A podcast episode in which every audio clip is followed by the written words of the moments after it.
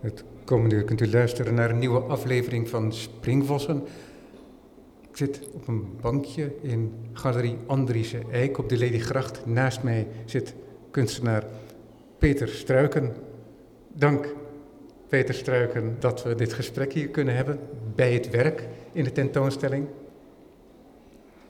Dan is er nog eens wat aan te wijzen Ja. gedurende het gesprek. Bovendien, maar laten we vooral wijzen met woorden dan vandaag, zodat de mensen die er niet bij zijn eh, er ook eh, iets aan vast kunnen knopen. U bent natuurlijk heel bekend met uw werk. Ehm, ik denk dat ook de niet-kunstliefhebber bekend is met uw werk, misschien zonder uw naam te kennen, van de postzegels van Beatrix. En Dan moet u erbij zeggen dat het de stipjeszegels zijn. Anders weet men niet over welke Ah, postzegel Ja, ja het gaat. precies. Ja, voor mij is het al zo vanzelfsprekend. Hij heeft 40 jaar dienst gedaan. Het is wel de zegel die het langst in Nederland in omloop is geweest. Er zijn iets van 45 verschillende kleuren in gedrukt. Dus eh, inderdaad is het wel een bekende zegel. We zitten hier in een tentoonstelling, of we kijken hier tegen een tentoonstelling aan van schilderijen, maar u bent ook bekend van grote installaties, hè, zoals de Blauwe Golven, waar heel veel om te doen is geweest, waar nu ook een documentaire van is gemaakt door de studenten van Artes, onder leiding van Hans van Houwelingen. Ik plaats de link wel in de aankondiging, zodat de mensen dat kunnen zien, want het is openbaar op Vimeo te zien op het kanaal van Hans van Houwelingen. Ik zag het zelf nog niet. Maar ook voor de Amsterdammer, de Nederlandse Bank, het hekwerk, wat prachtig is. En maar inmiddels- ook tegelijkertijd inmiddels de afgelopen maanden is onttakeld. Ja, ja, ja. En de verlichting in het muziektheater, die nooit wordt gebruikt. Ik heb de, de Ik heb, ik heb dat nog wel gezien in het begin. Ja, het was, het was heel succesvol. En op een gegeven moment heeft eh, de toenmalige eh, directie heeft het eh, afgezet op verzoek van een van de huurders van het muziektheater. En het is eigenlijk verder altijd uitgebleven. Er is nog wel eens een tussenfase geweest. Toen moest er een nieuwe computer komen. Want ik heb het gemaakt in in de begin negentiger jaren. En toen waren computers nog iets heel speciaals. Dus eh, toen na 15 jaar de computer ververst moest worden en het programma ook aangepast op een snellere computer, toen had eh, de zoon van de toenmalige hoofd van de technische dienst, die had iets gemaakt wat op mijn werk moest lijken. En ehm, dat zag ik op een, bij toeval, want ik kom eigenlijk zelden in het theater. Ja, toen bleek dat dat allemaal in eigen huis was, eh, was eh, gebruikt. Daar heb ik natuurlijk wel principieel bezwaar tegen gemaakt, want het leek er niet op, op wat ik ooit gemaakt had. En of dat de reden was waarom eh, de directeur van de Schouwburg, of van het, van het toneel, Audi, waarom die er zo'n bezwaar tegen had. Ik vermoed door de slechte kwaliteit van degene die mijn werk had geïmiteerd. Enfin, nog steeds zit er een soort eh, doem op, want eh, helaas wordt het nooit gebruikt. Ik herinner mij ook dat ik, dat was begin jaren negentig, uw lichtwerk zag in een soort lichtcorridor. In Rotterdam. in wat destijds het NAI heette, Ja, tegenwoordig het Nieuwe Instituut. Die is gelukkig, dat is gelukkig hersteld. Dat was een werk wat eh, werkte met gekleurde TL. En eh, ja, eh, ook in die techniek, in die lichttechniek, zitten enorme ontwikkelingen. Dus TL's, eh, gekleurde TL's zijn nauwelijks meer te krijgen en alles moet LED worden. Maar dat betekent dat voor een instituut of een, of een, of een gebouw wat een lichtwerk heeft, dat die ombouw van TL naar LED moet worden opgehoest. En dat geeft ook wel weer eens problemen, want het is altijd eh, de man die het initiatief neemt voor een werk, die door het vuur gaat ervoor. En iedereen die na hem komt, ziet het alleen maar als een soort ballast. Dat werkt in het groot ook, bij gemeentes is het ook zo. Iedere wethouder die iets voor de stad onderneemt op het gebied van beeldende kunst, krijgt dat voor elkaar, want hij is gedreven. Maar OW, als hij weg is, een volgende wethouder vindt het zeker niet iets wat enige aandacht moet hebben, want die legt hele andere prioriteiten.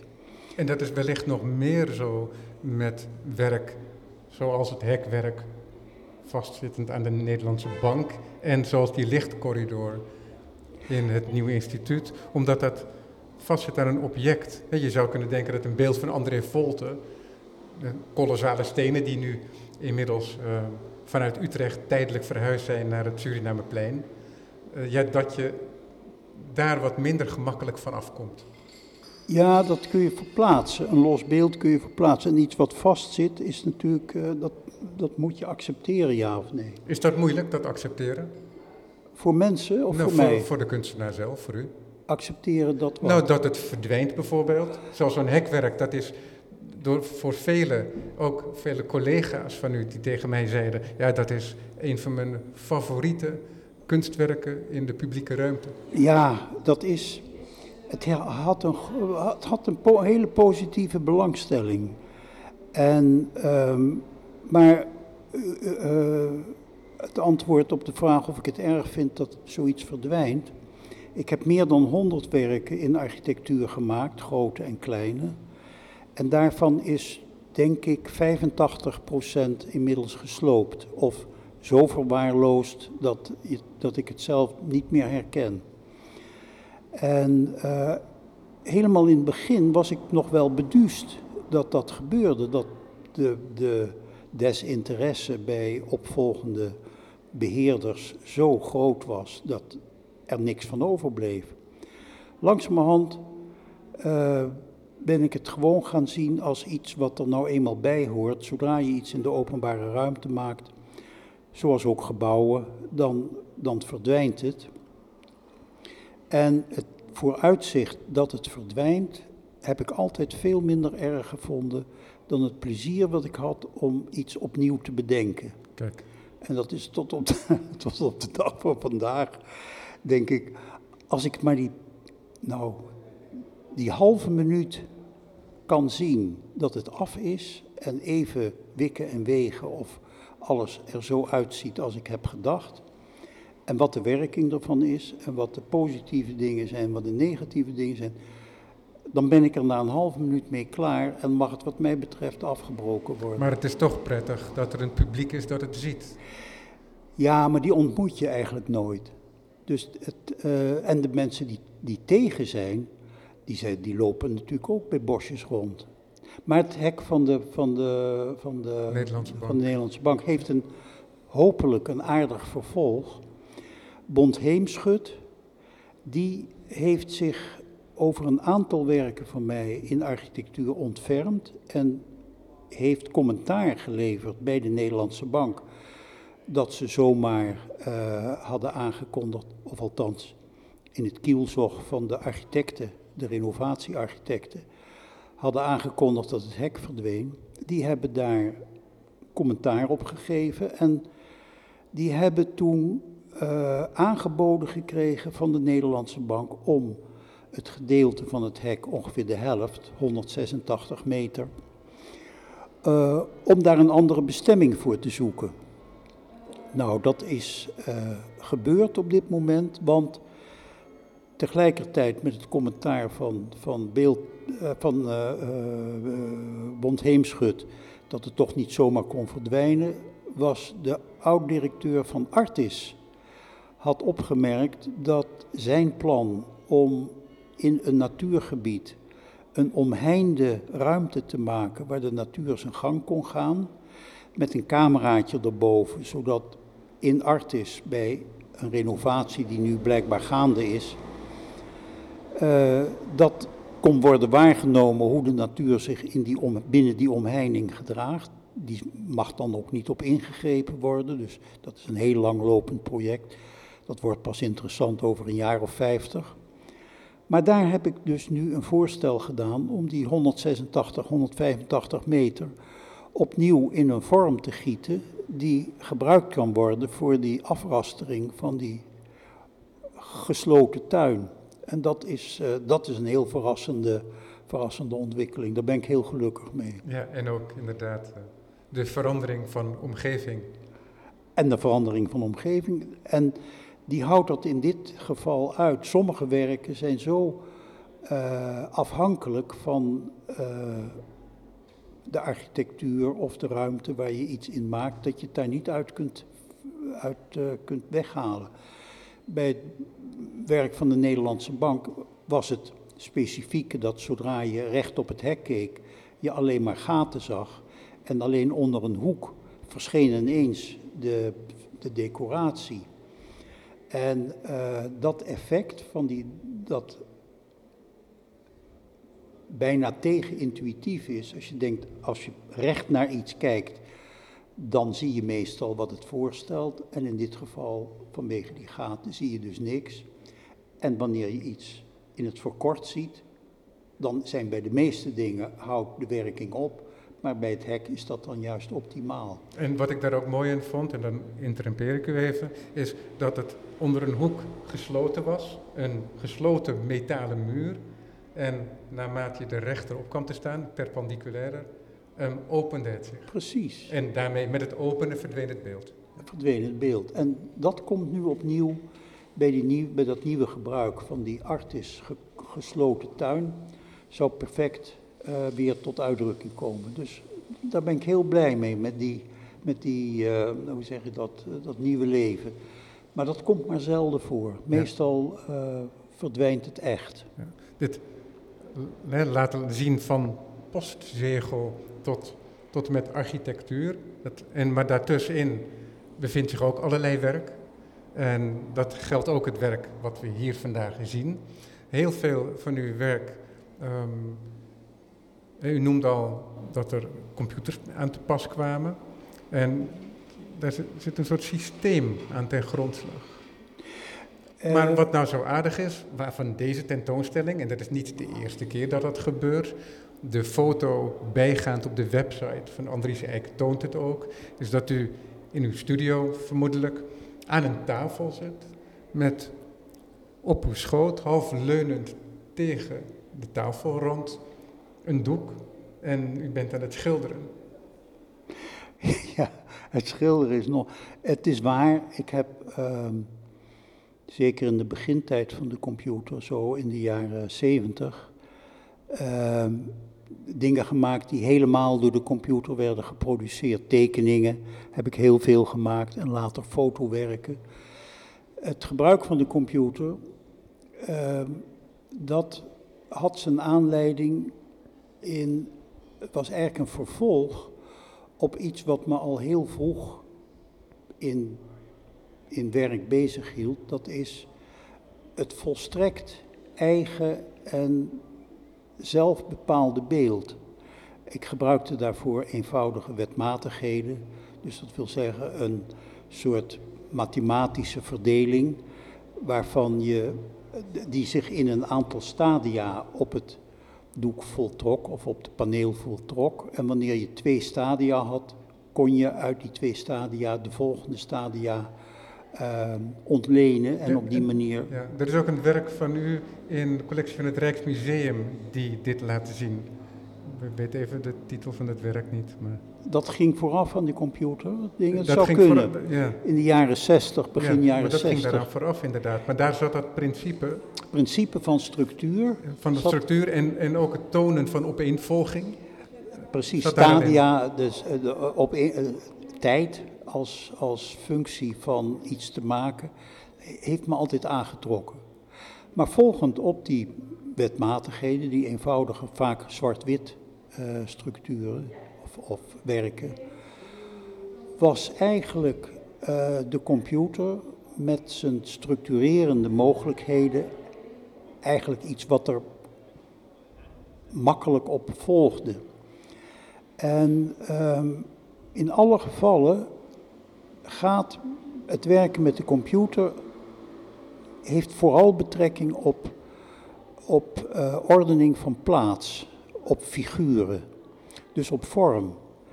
Eigenlijk lag al heel vroeg mijn interesse op kleur. Kleur kun je met de computer uh, wel, je kunt wel afzonderlijke kleuren berekenen met de computer, maar je kunt geen kleurverhoudingen berekenen.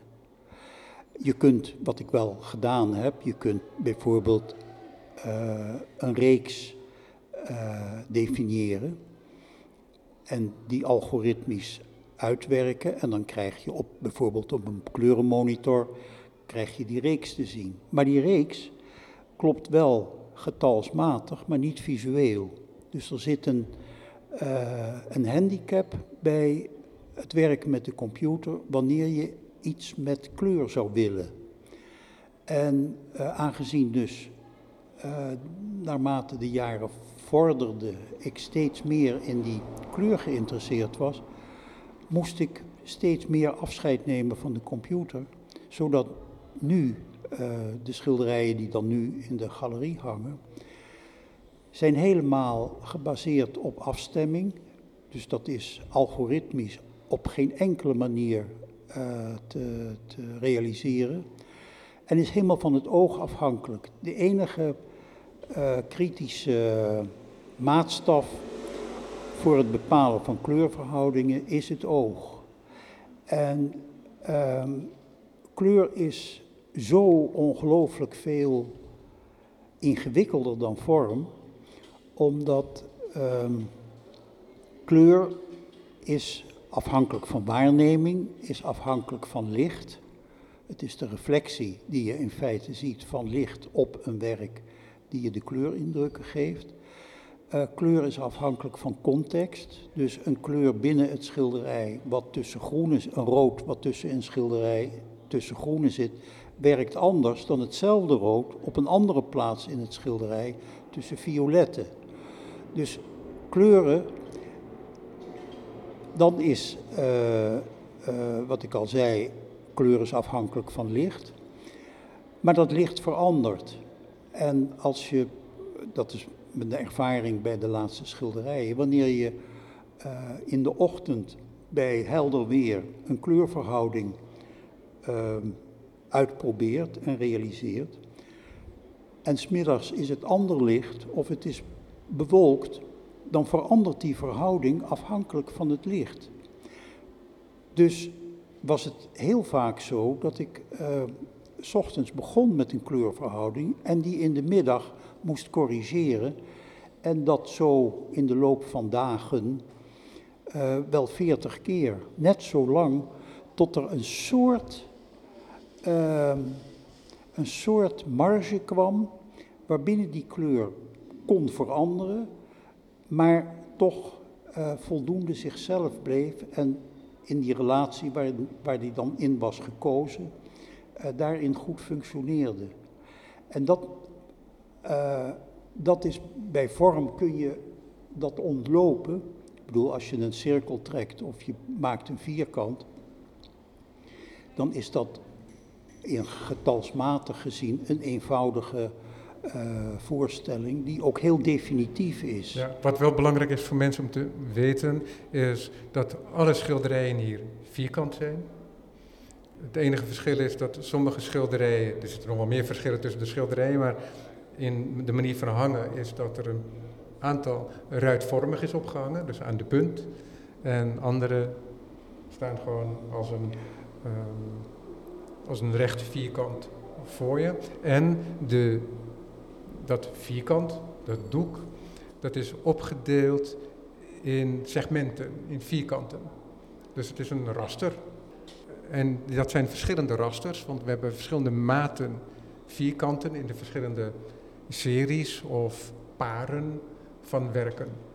Maar, maar voordat we eh, verder gaan op dit en wat u nu al verteld heeft over uh, dat maken en dat afstemmen. Afstemmen, wat ook de titel is van de tentoonstelling. Balance in het Engels en afstemming is de Nederlandse titel dan. Dat handwerk van dat schilderen, is dat altijd deel geweest van uw kunstenaarspraktijk? Nee, eigenlijk vanaf de jaren zestig heb ik, uh, heb ik, heb ik uh, schilderijen gespoten. Dus het handwerk is pas op mijn, uh, op mijn zeventigste ongeveer erin gekomen. Toen ik steeds meer met die kleuren weer ging en die afstemming van die kleur wilde en nodig had. Dan was, dan was het aantal proeven die ik moest nemen voordat ik kon besluiten, ja, zo moet het, was vaak zo groot dat afplakken of spuiten helemaal niet een, een, handige, een handige manier was. Dat zou veel te bewerkelijk zijn. En uh, dus het werken met de hand, het oude, zoals ik het in feite natuurlijk ook nog geleerd heb op de academie, dat is iets van de afgelopen tien jaar. Maar wat betreft die vierkantjes, waar die kleuren in zitten, uh, op het moment dat je een verschil van kleur maakt, ontstaat er een grens. Op de grens waar je het verschil ziet. Die grens is een vorm. Dus je kunt geen kleur maken zonder dat automatisch vorm optreedt. Dat is jammer. Of figuur in ieder geval. Een figuur. Ja. Uh, dat is jammer. Daar ontkom je niet aan. En de enige... ja, tenzij je monochroom gaat werken.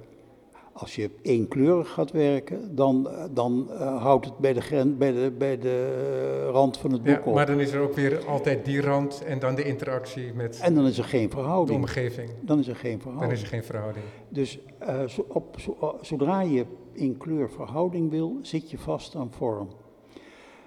De vorm die het meest zich leent om kleurverschillen te zien, is een waarbij rechten, dus uh, zijden van vierkanten of rechthoeken aan elkaar grenzen, dan heb je, dan heb je even een uh, gebied, een scherp afgebakend gebied, waar je die kleurverschillen kunt laten zien. Ondertussen wil ik in deze schilderijen toch die vorm zo, zo min mogelijk aandacht geven. Ik heb dat eerst geprobeerd in schilderijen die, laten zeggen, gewoon recht hangen door heel veel vierkantjes te nemen en op die manier de aandacht voor de figuratie uh, een beetje in de war te brengen bij de kijker. Want hij ziet overal maar die twaalf, het zijn telkens twaalf kleuren. Hij ziet telkens die twaalf kleuren en kan door de veelheid van vierkantjes eigenlijk zich niet op uh, clusters of figuren concentreren. In de latere uh, schilderijen van deze afstemmingsserie heb ik toch weer de computer gebruikt voor het bepalen van de interactie, van de plaats van de interactie. Maar daar zijn de vierkanten wat groter.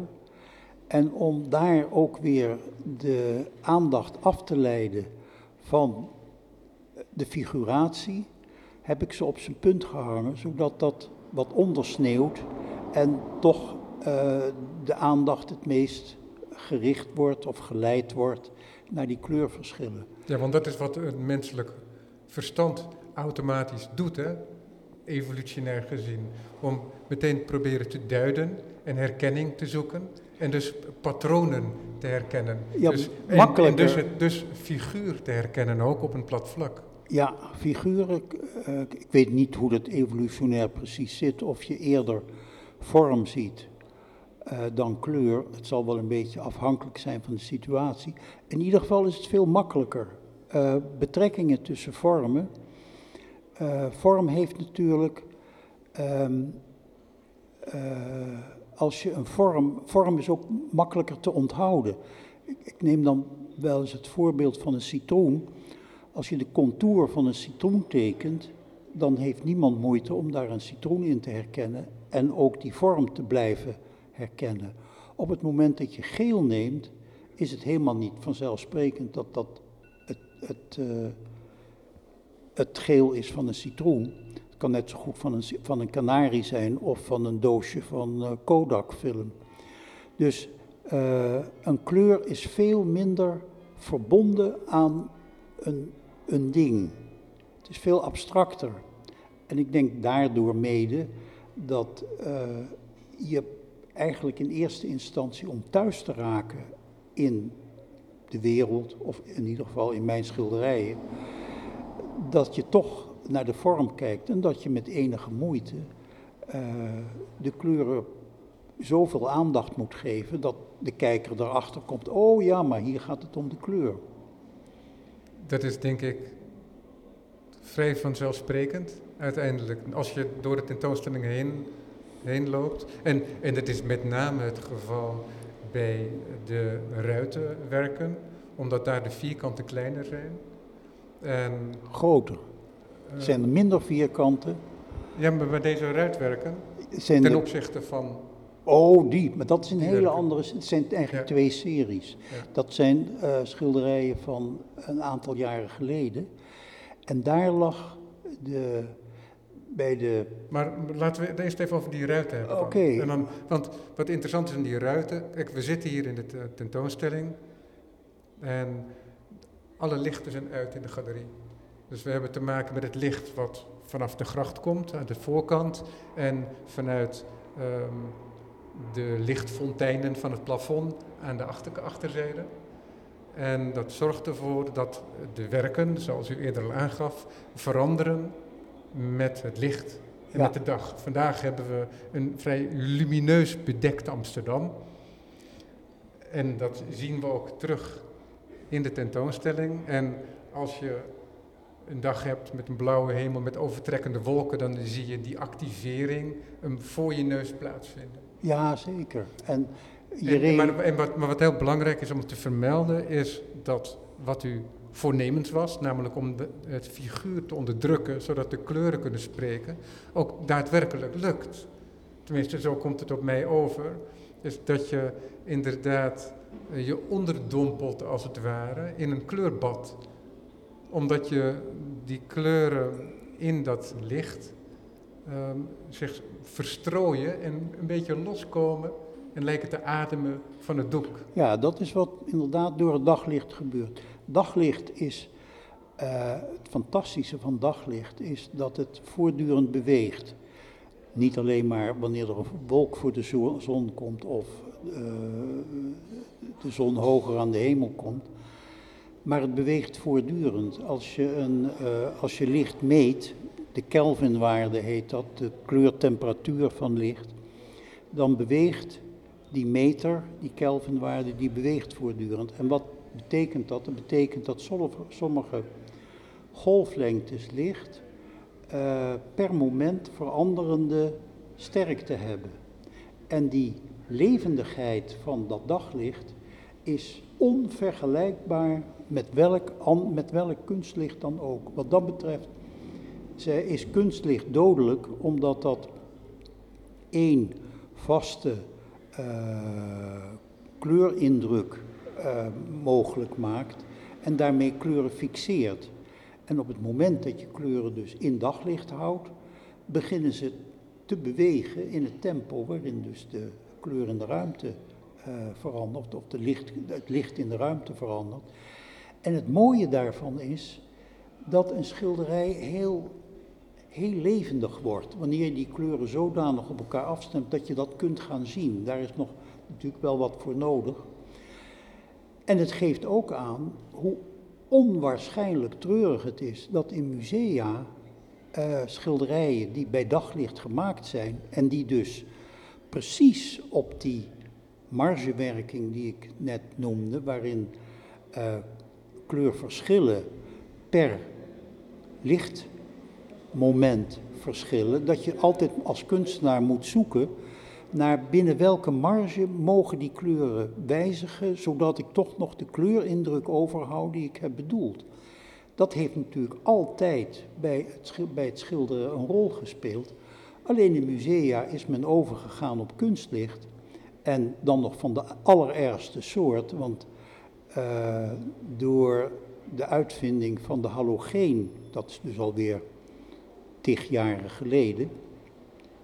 Halogeen was oorspronkelijk, uh, wanneer je die op vol vermogen zet, heeft een enorm breed spectrum. Het is niet zo dat het beweegt zoals daglicht, maar in ieder geval komen alle kleuren worden gereflecteerd.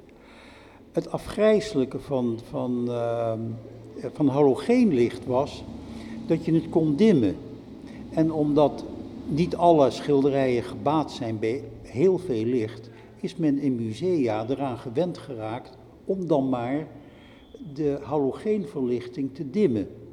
Waardoor die geel wordt. Want wat je in feite doet met het dimmen van halogeen, is je haalt alle golflengtes weg die het violet en het blauw en het blauw-groen moeten zichtbaar maken. Dus je houdt een gele plek over. Dat is zonder uitzondering alleen maar bij die musea waar daglicht echt als uitgangspunt voor de, het hangen van de schilderijen is genomen. Bij alle musea is dat fout. Ik ben daar met Philips eindeloos over in discussie geweest, omdat Museum Boymans het moe was dat iedere conservator en iedere gastconservator voor de inrichting van de tentoonstelling weer een andere verlichting met de kunstverlichting arrangeerde. En ze zeiden ja, maar uh, moeten we niet eens kijken hoe, wat nou eigenlijk een goede verlichting is. En ik ben jaren met Boymans in de weer geweest, ben er nog steeds mee, mee in de weer.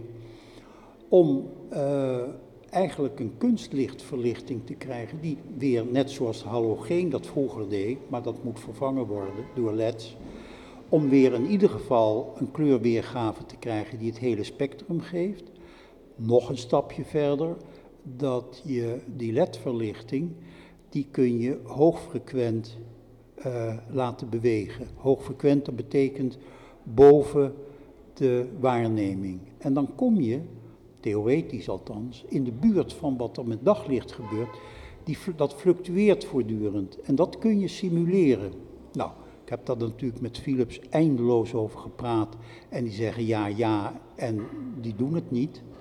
Of ze het niet kunnen, weet ik niet. Maar ze hebben nou eenmaal de markt verpest door uh, eeuwig en altijd een, met kunstlicht toch het warme licht van vuur zal het wel uiteindelijk op uh, zijn te herleiden, om dat in kunstlicht te bereiken. En ze zijn er helemaal niet mee bezig om uh, een daglichtkwaliteit in lamplicht te bereiken, terwijl het wel kan. Um, het heeft te maken met, um, ja, met, met een soort reclame die men in is gegaan. Dat, dat, uh, oh ja, het heeft te maken ook met de armetierigheid die de oorspronkelijke TL-verlichting, die voor daglichtverlichting doorging en die het meest akelige licht oplevert wat je ongeveer kunt voorstellen. En dat lijkt, dan zegt men, ja maar daglichtverlichting, dat is akelig. Er is natuurlijk geen sterveling die, die echt daglicht akelig vindt, maar wel uh, het gesimuleerde uh, daglicht wat je met TL's bereikte. Inmiddels moeten de TL's eruit en moeten het LED's worden. Maar dat verbetert uh, blijkbaar niks aan de mentaliteit om dan toch maar een zo gezellig mogelijke geelachtige licht te prefereren boven iets wat in de buurt komt van daglicht. Ja, ja de kunstwereld is niet de belangrijkste klant, denk ik. Dat is het. Dan, maar wat, wat, ik wel, wat ik heel interessant hieraan vind, is ook dat menigeen, denk ik, uh, ook op basis van uw eerdere werk, niet zozeer had gedacht dat u zo met die sensibiliteit bezig was, omdat u veel meer bezig was met het creëren van beeld via systemen en dergelijke. Um, eventueel logaritmes met computers, maar niet altijd. Um, Um, en dat die sensibiliteit, die er dus wel degelijk een belangrijk deel uitmaakt van uh, de kunstenaar Peter Struiken, ook tot uiting komt nu, de laatste tien jaar denk ik alweer, um, in het schilderen. Ja, daar zie je het het meest direct. Maar uh, je zou kunnen zeggen, de, het intermediair van het algoritme, uh, dat verhindert ook absoluut niet dat je die sensibiliteit of het gevoel voor nuancering uh, moet opgeven. Het is natuurlijk een, het, zeker in het begin, in de, in de jaren uh, eh, 60, toen ik met de computer begon, was het althans in beeld, was de algemene mening dat je, de duivel, dat je je overgaf als kunstenaar aan de duivel wat wel merkwaardig was, dat dat in beeld uh, zo de opinie was. Want in muziek was dat absoluut niet zo. Ja. en, bij, en u heeft ook toch met muziek het een en ander gedaan. Ja, ik heb omdat...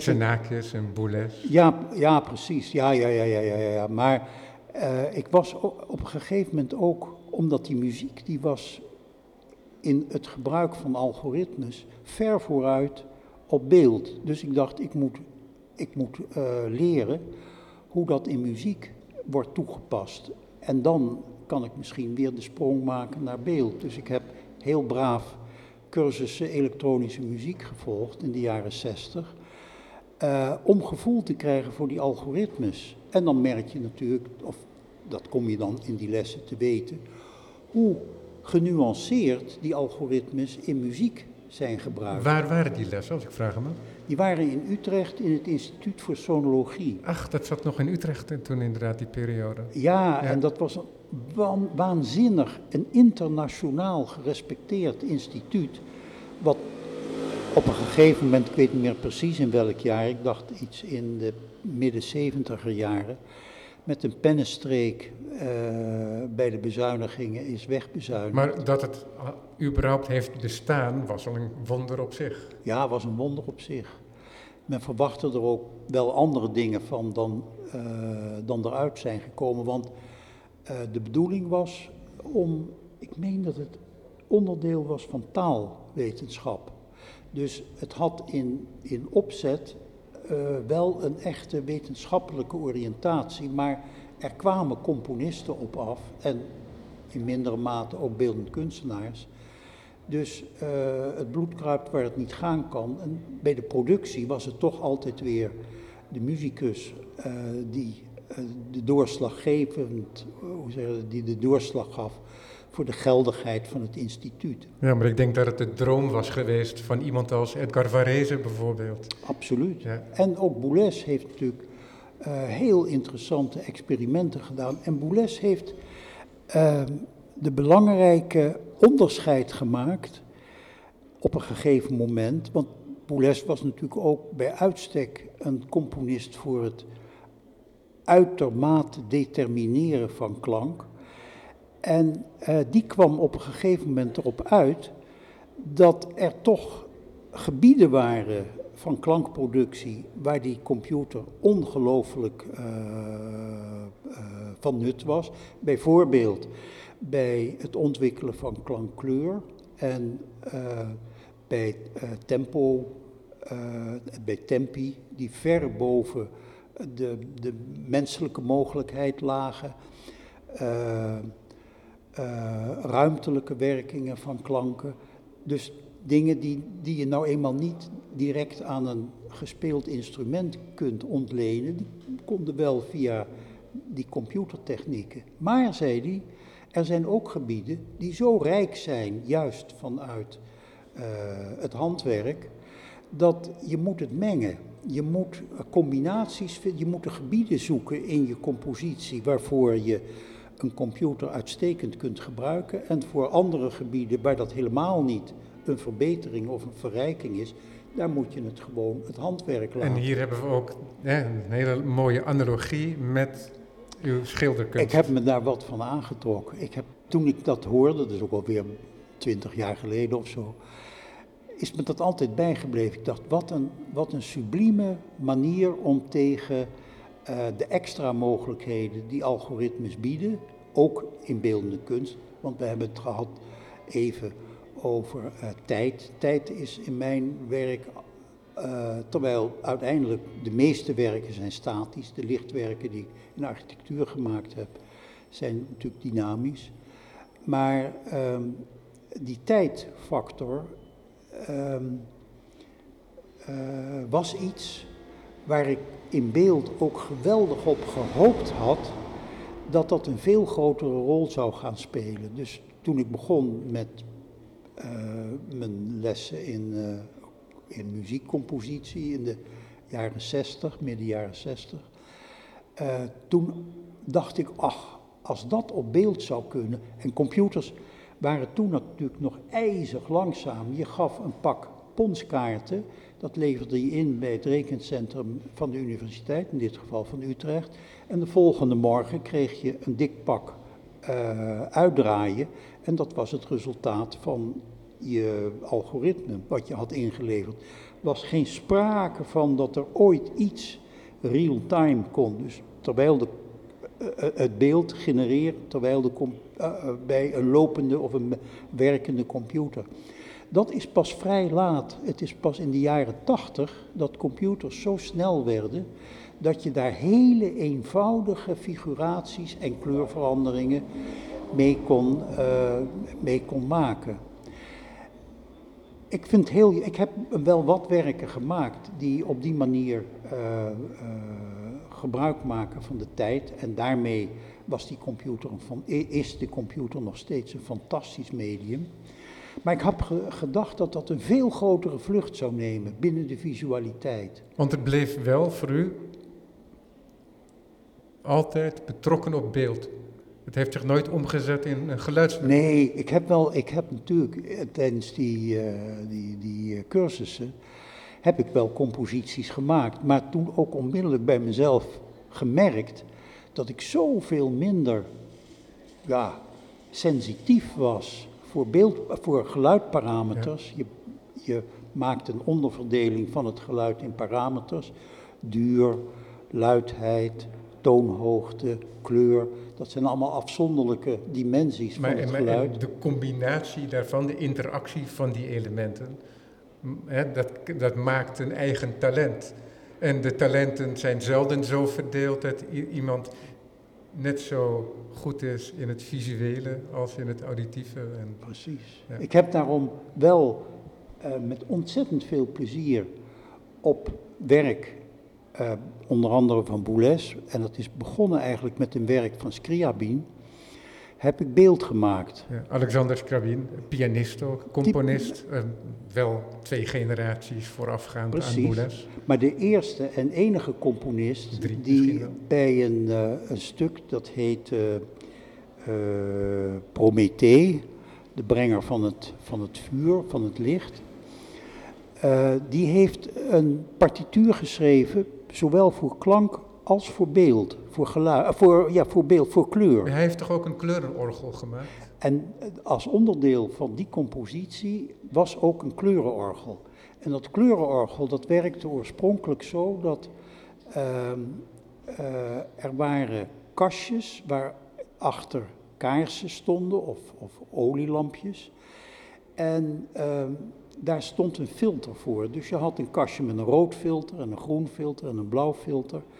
En afhankelijk van uh, een momenten in de muziek die hij precies voorschreef, werd de speler van, bespeler van het orgel geacht, of zijn assistent, om het luikje open te trekken waarachter het uh, uh, gefilterde licht zichtbaar We werd. hebben het nu volgens mij, als ik het goed heb, over de jaren 20 van de 20e eeuw.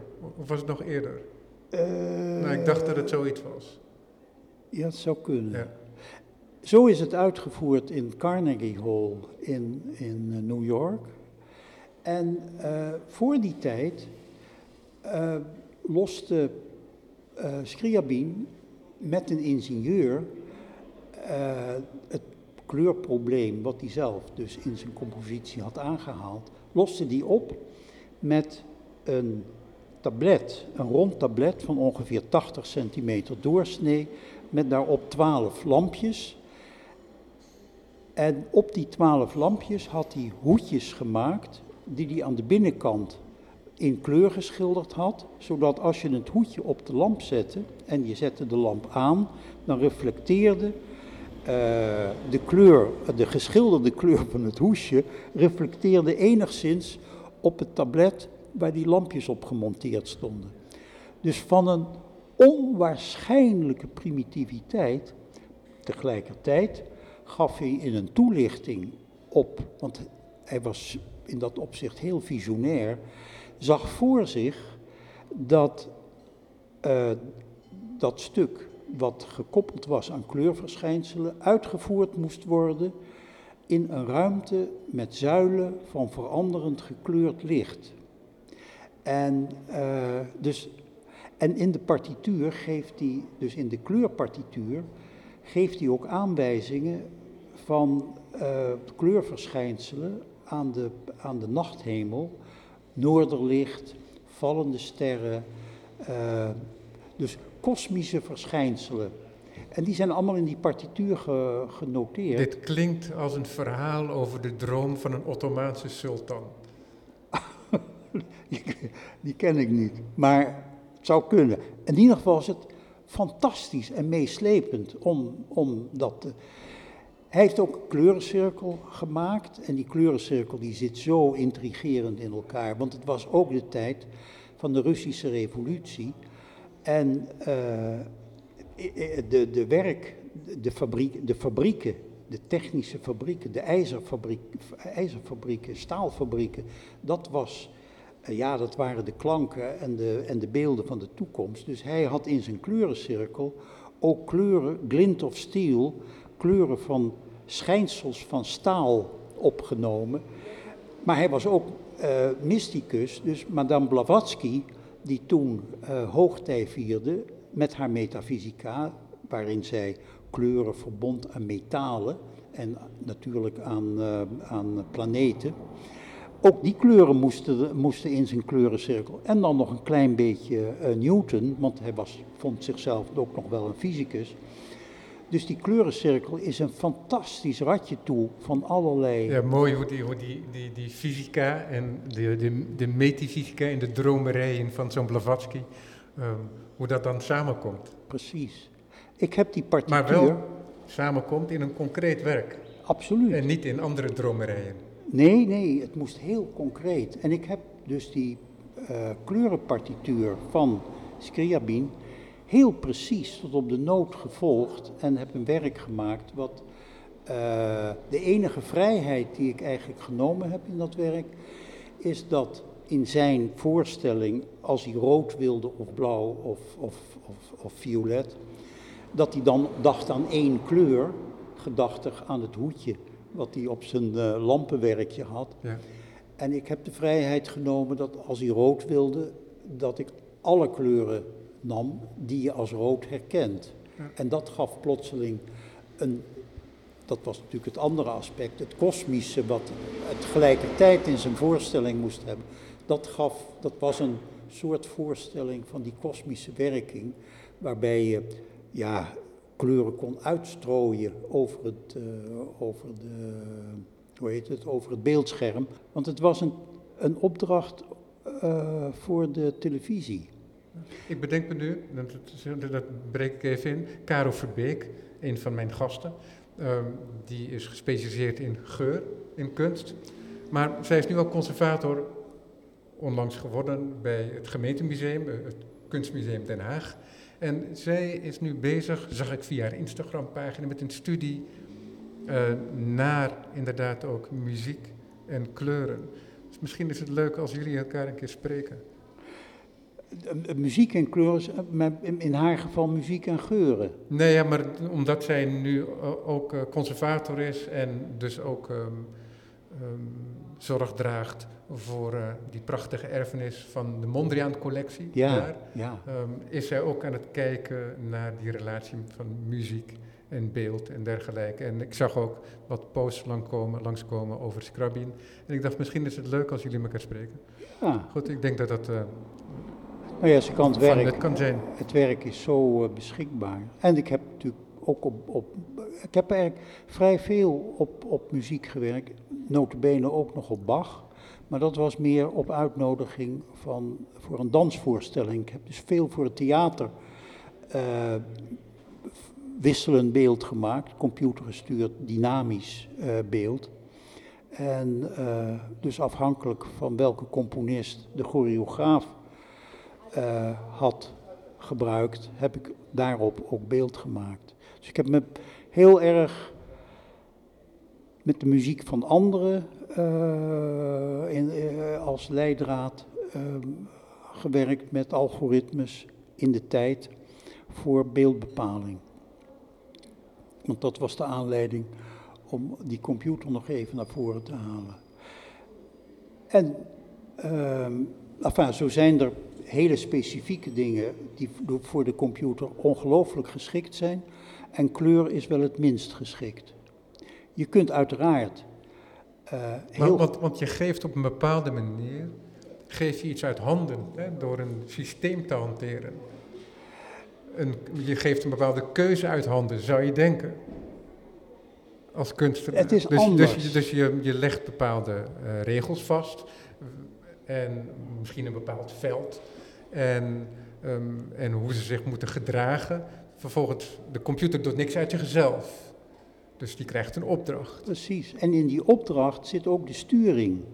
Het maar is... is het dan zo dat u altijd het resultaat daarvan accepteerde? Want ik ken bijvoorbeeld een kunstenaar, Anastasia Appel, jonge kunstenaar, en die maakt ook heel veel gebruik van systemen. Maar ik merk dat zij toch uiteindelijk altijd, want soms levert een bepaald systeem wat je bedacht hebt, levert niet een resultaat op waar je mee kunt leven. En dan um, gaat zij niet morrelen, en, maar dan gaat zij terug en dan gaat ze kijken hoe ze het apparaatje, als het ware, wat ze gemaakt heeft, um, hoe ze dat zo kan inrichten dat het wel tot een gewenst resultaat komt. Oh ja, precies. dat, is, dat is de manier om met algoritmes om te gaan. Ja. Een algoritme eh, ja, doet niks anders dan dat je opgeeft. Dus als je het verkeerde hebt opgegeven en er komt iets uit wat je absoluut niet voor ogen had, dan moet je net zo lang aan het algoritme sleutelen totdat het wel uh, oplossingen ja. levert. En dat, hè, dat is een vrij coole houding, lijkt dat. Vind ik Ten opzichte van het kunstwerk. Dat vind ik niet. Want je, uiteindelijk ben je net zo. het wezenlijke verschil is dat een computer onmiddellijk het geheel geeft. Ja. Terwijl als je uh, stapje voor stapje werkt op de, op de traditionele manier, je pas in de loop van de tijd kan vaststellen hoe iets eruit ziet. Maar dan, en misschien dan ook in de loop van die tijd, in die loop van die tijd, misschien ook voortdurend aanpassingen al verricht. Nou ja, dus dat is wat ik bij deze schilderijen, met deze kleurschilderijen heb gedaan. Tijdens het maken, ieder schilderij heeft ten minste twee maanden, tweeënhalve maand genomen voor maar twaalf kleurtjes in afstemming te krijgen. Dus dat is aldoende eindeloos aangepast aan wat, ik, wat me voor ogen stond. Datzelfde doe je met een algoritme. Alleen het grote verschil is, wat ik net zei, bij een algoritme krijg je onmiddellijk het hele beeld. En hier is het stapje voor stapje. Dus dat nuanceren doe je bij, bij, met het uh, gebruik van de computer altijd over het geheel. Terwijl je uh, bij de opbouw van een schilderij het veel meer staps, stapsgewijs doet. Dus dat is, een, dat is wel een verschil. Maar het, zit niet, het is niet zo dat die computer je iets uit handen neemt. Wat hij je wel uit handen neemt, is dat de complexiteit die je met een algoritme kunt gebruiken, veel en veel hoger ligt dan je ooit met de hand zult kunnen doen. Ja, ja want dat is iets wat we nu moeten gaan bespreken, denk ik ook, in, over de, in de organisatie van die blokjes en kleuren. Ik zeg dan ook hierbij dat voor de radioluisteraars is het gesprek nu ten einde. En in de podcast gaan we nog even verder, want ik wil graag toch nog even dichter bij die schilderijen komen. Dat ben ik heel blij met alle omwegen die we uh, begaan hebben uh, tot nu toe. Maar als ik eh, zojuist zei dat we zo'n schilderij hebben, en dan hè, wijs ik nu zo'n ruit aan die hier naast ons hangt. En er hangen er nog een paar verderop in de tentoonstelling die samenhangen met die beelden. En we hebben het over het met de hand schilderen en het afstemmen van de kleuren. Maar daarmee is nog niet alles gezegd. Want het zijn twaalf kleuren. En de organisatie. Op een doek, maar hoe organiseren we die twaalf kleuren? Ik heb, uh, ben dus begonnen uh, met een soort algoritme wat je met de hand kunt uitvoeren. Daarbij gebruikmakend van heel veel vierkantjes. Maar ja, bloedkruip waar het niet gaan kan, dus ik wilde toch kijken of ik niet een, uh, een methode van ordening van de kleuren, dus niet de afstemming van de kleuren zelf, maar de, de plaats van de kleur op het vlak, of ik dat niet wat efficiënter kon doen. En heb toen aan mijn zoon, die software uh, specialist is, gevraagd om een programma te maken waarbij alle kleuren, het zijn er dus twaalf, alle kleuren evenveel voorkomen en even vaak aan elkaar grenzen. Uh, om één uitkomst te berekenen kostte drie dagen rekentijd op een moderne computer.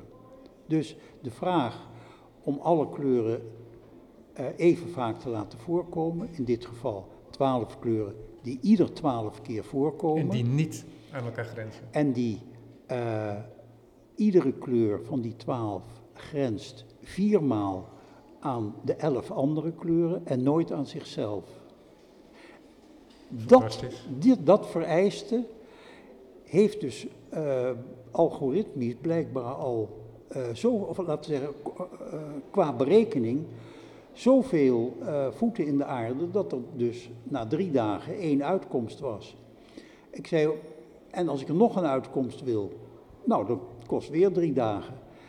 Ik heb dus, uh, wat op zichzelf niet hindert, want je laat die computer maar draaien. Maar ik dacht, het is ook onzin. Ik gebruik diezelfde ordening voor alle schilderijen. Want die van die eerste uitkomst? Van die eerste uitkomst, want die beantwoordt precies aan wat ik graag wilde. Je kunt dat er niet aan zien. Er is geen sterveling die, als hij het, als hij het schilderij ziet, uh, dat kan herkennen. Ja, dat want, want, onderliggend aan die vraag uh, lag de wens dat er geen figuren zouden kunnen ontstaan die zouden kunnen gaan domineren en dus zouden kunnen afleiden van de kleurervaring. Precies. En dus Samenvattend, hè, wat u eerder al zei. Ja, ja, precies. Dus die plaatsbepaling die had als oogmerk dat je daarmee de meest gelijkmatige verdeling van het vlak zou krijgen. Er zit bij ieder schilderij, uh, want ik vind het ook wel een beetje jammer dat die hele specifieke ordening uh, onbekend zou blijven. Dus ik heb achter ieder schilderij, de schilderijen zitten gemonteerd in een lijst, heb ik en nog eens in grote stalen de twaalf kleuren gegeven, zodat bij latere restauraties men precies de goede kleur kan nabootsen. Maar heb ik ook het, het, uh, het getallenveld, de uitkomst van het algoritme, uh, gestopt. Dus als over 50 jaar er een kras op het schilderij komt en de eigenaar zegt, god, dan moeten we toch eens laten restaureren en de schilderij wordt uit de lijst gemonteerd, dan vinden ze die envelop en denken, shit, er zit nog een heel verhaal bij. Maar dat lijkt me dan leuk voor de, voor de restaurator die dan die envelop vindt. Maar uh, een huidige eigenaar kan niet zonder moeite bij die envelop. Dus het is echt een geheim voor de toekomst. Prachtig. Wat ik hiermee onthul. Mooi. Ja, maar dan zijn we er nog niet natuurlijk, want dan hebben we de verdeling van de kleuren, maar die kleuren moeten ook aangebracht. Ja, maar dat doe ik met, met de, nou ja, de, de dosering, de afstemming van de kleuren. Uh, een kleur. Ja, want, want nu hebben we um, het veld zo opgedeeld. Precies. Hè, dat de kleuren um, in, een, om in, in, in een uiterste mate, laten we zeggen, kunnen spreken. Maar vervolgens moeten die kleuren nog aangebracht worden. Nou, hoe maakt u uw palet? De,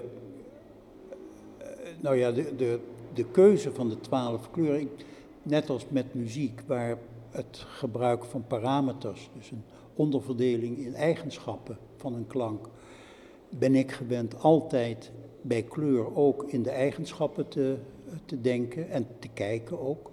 En dan zijn er, heeft kleur maar drie eigenschappen. Je hebt het verschil in kleur, dat heet de kleurtoon. Je hebt verschil in licht en donker, dat heet de helderheid. En je hebt verschil tussen zwak en sterk, en dat heet de verzadiging. Die drie factoren, die bepalen ondubbelzinnig de eigenschap van een kleur.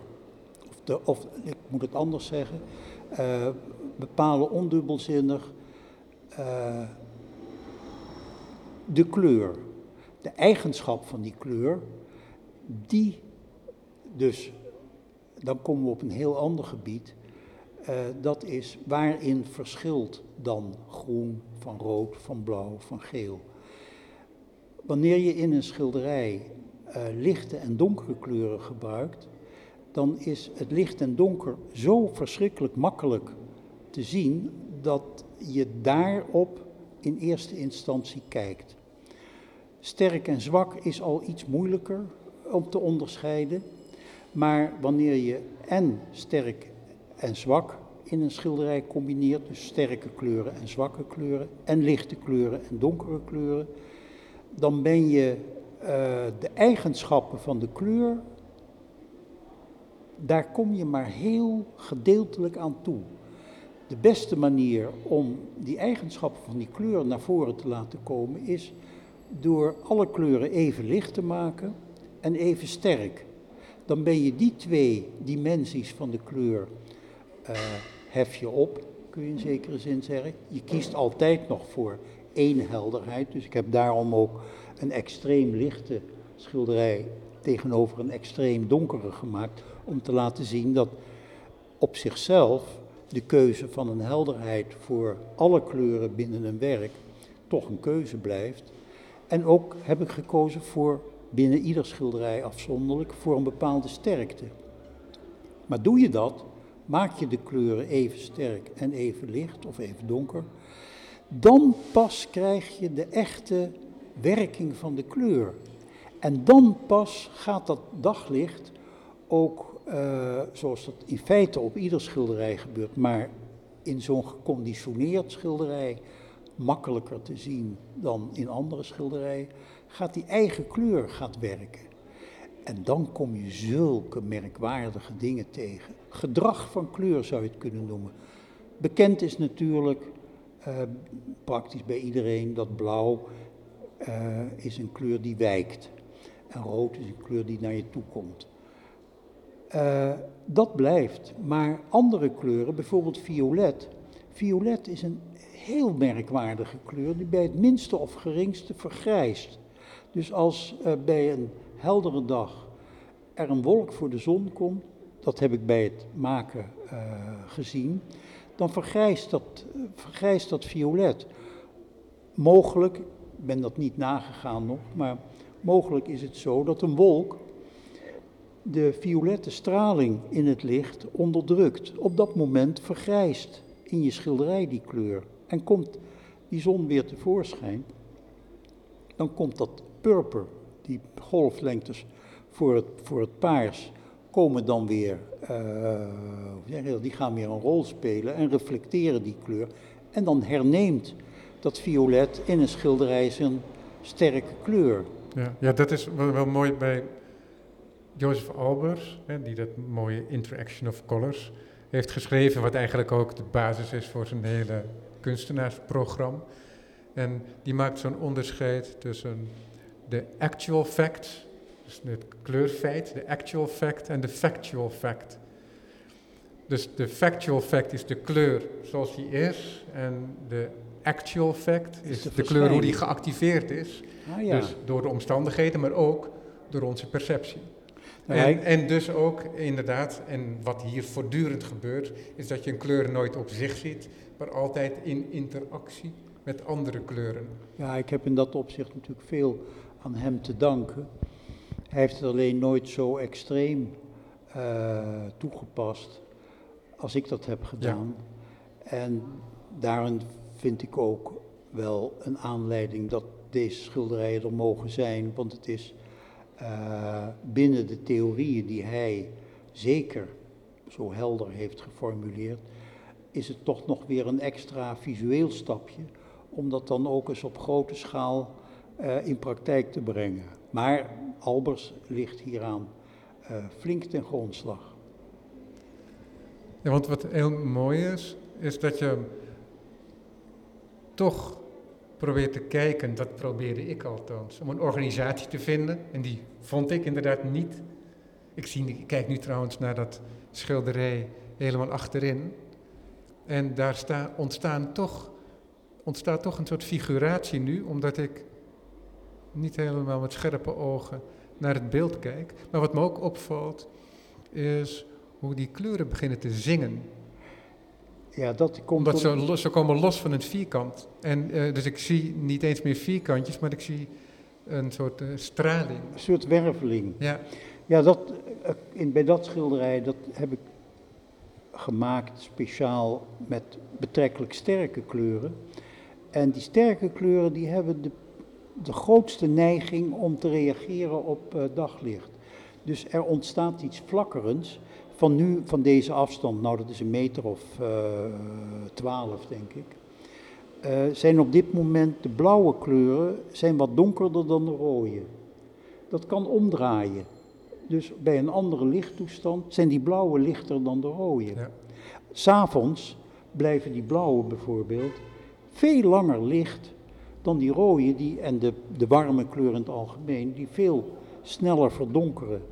Dus, uh, en, maar op een microniveau gebeurt dat dus voortdurend, omdat dat licht voortdurend uh, verandert. Dus dat is, uh, ja, ik vind dat zo. Het gekke is, ik heb het gezien, ik ben er gelukkig mee.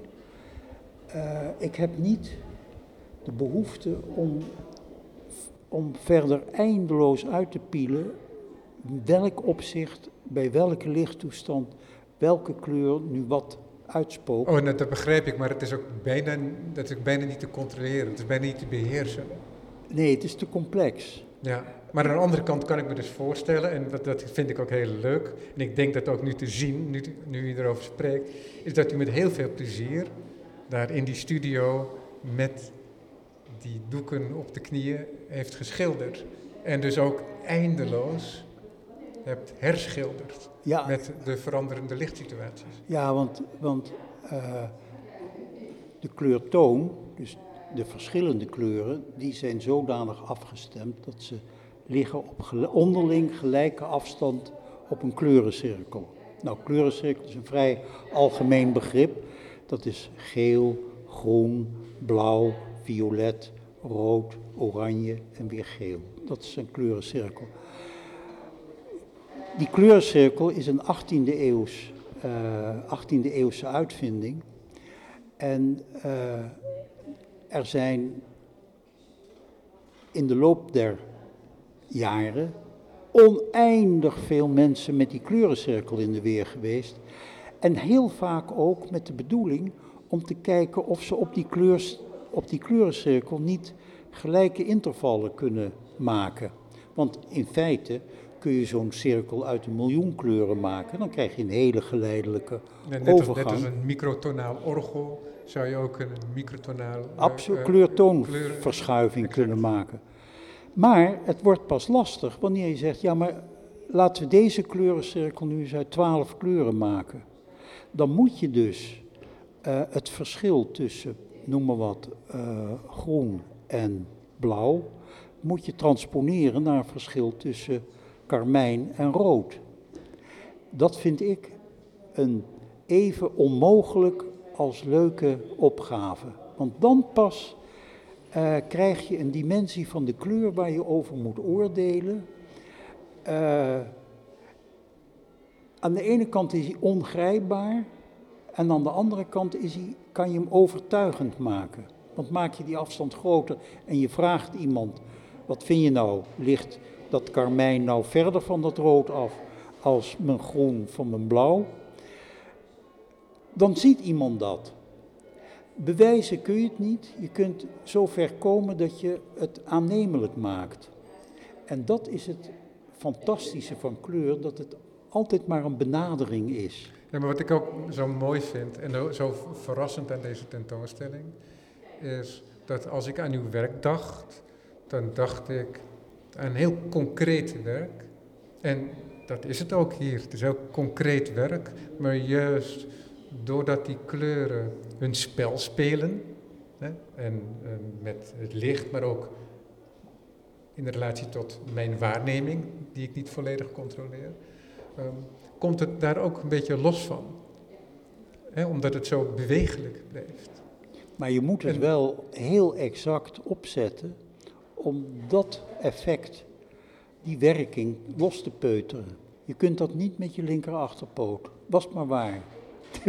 dus die beide kanten, die soort preciesheid die nodig is, dat zie ik wel als een noodzakelijk kwaad. Om wat ik eigenlijk interessant vind, die werking van die kleur, om die uh, toegankelijk te krijgen. Peter Suiker, hartelijk dank voor dit gesprek. De tentoonstelling Afstemming, Balance is tot en met 16 oktober te zien bij Andriese Eik op de Leliegracht in Amsterdam.